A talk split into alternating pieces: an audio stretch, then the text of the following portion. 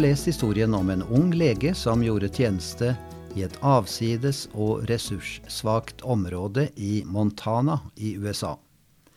Han ble tilkalt til en hjemmefødsel. Barnet hadde et forferdelig deformert bein. Ja, det strevde også voldsomt med å få puste. Andre barn vil sikkert komme til å kalle ham Limpy, tenkte legen. Halten, eller noe slikt. Han vil sikkert få et vanskelig liv. Hvis jeg ikke gjør noe med de pustevanskene, så vil han sikkert dø. Kanskje det ville være det beste? Men så kom legen til å tenke på sin hippokratiske legeed, og dermed pustet han inn i barnets munn. Snart fungerte barnets lunger normalt, og det skrek for første gang. Det gikk mange år. Da skjedde det triste at legens datter og svigersønn ble drept i en bilulykke. Legens ti år gamle barnebarn var plutselig foreldreløst. Legen overtok ansvaret for barnebarnet. Men ulykkene tok ikke slutt med det.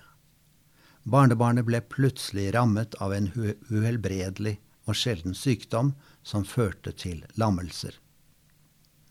Legen fikk høre at det var en ung lege i Midtvesten som hadde fått til fremragende resultater i forhold til den spesielle sykdommen. Han tok med seg barnebarnet sitt og dro til spesialisten. Den unge legen var selv funksjonshemmet og lam. Kan du gjette det? Han var nettopp det barnet som legen hadde reddet ved munn-til-munn-metoden 35 år tidligere.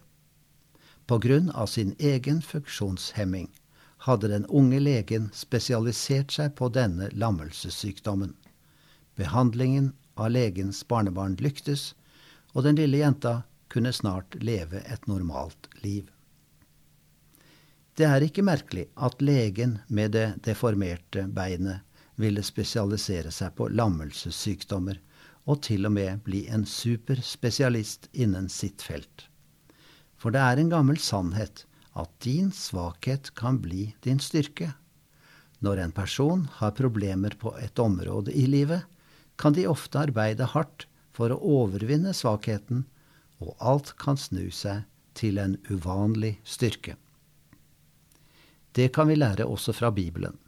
Apostelen Paulus skrev om dette, og han ga Gud æren for at det blir slik i livet hans. Han opplevde ikke bare svakhet, men tøffe ydmykelser og trengsler. Men han kunne si, Jeg er fylt av glede når jeg for Kristi skyld er svak, blir mishandlet, er i nød, i forfølgelser og i angst. For når jeg er svak, da er jeg sterk.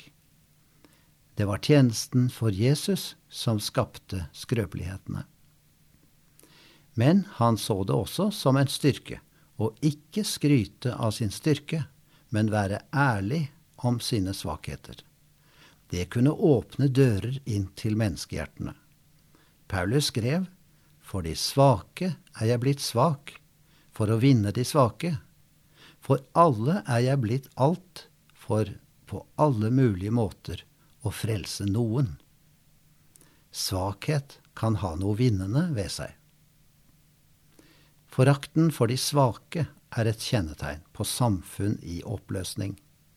Når folk oser av fordommer mot de funksjonshemmede, gamle, syke og skrøpelige, kan det fort utvikle seg til et kaldt, umenneskelig samfunn der forakten kan ramme flere og flere. Nei, svakhet kan bli styrke. Ikke snakk ned din egen svakhet. Ikke forakt den aller minste.